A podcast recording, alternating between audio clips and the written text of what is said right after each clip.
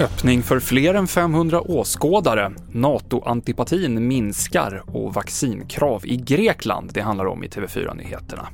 Ja, vi svenskar blir mer och mer NATO-vänliga visar en ny SIFO-undersökning som TV4-nyheterna beställt. 35% av de tillfrågade svarade ja på frågan om Sverige ska gå med i NATO, medan 33% svarade nej.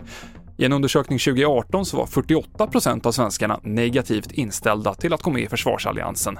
Men det skiljer sig en hel del beroende på vilket parti man sympatiserar med, säger vår politiska kommentator Ulf Kristoffersson. De borgerliga partierna, M, KD och Liberalerna framför allt, är mycket mer positiva till NATO-medlemskap eh, än de andra partierna. Annars är det ju en tydlig eh, bild också utifrån Eh, partipolitiska sympatier. De partierna som driver det här, de är, där har också deras väljare, de har starkt stöd från sina väljare. Mer om NATO-undersökningen på tv4.se.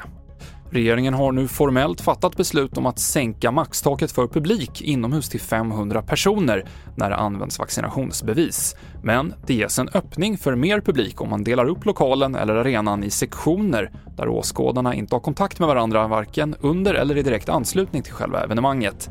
Om det går att arrangera så får 500 deltagare befinna sig i varje sektion. På onsdag börjar de här nya reglerna gälla. Från och med idag blir det obligatoriskt för greker över 60 år att vaccinera sig. 60-plussare som inte har vaccinerat sig kommer tvingas böta 50 euro i januari och 100 euro per månad efter det. Böterna ska användas för att bekosta statliga sjukhus.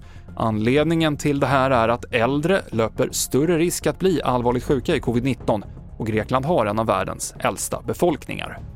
Och ikväll så blir en tidig ödesmatch för de svenska handbollsherrarna i EM. Blir det förlust mot Tjeckien så är Sverige ute ur turneringen.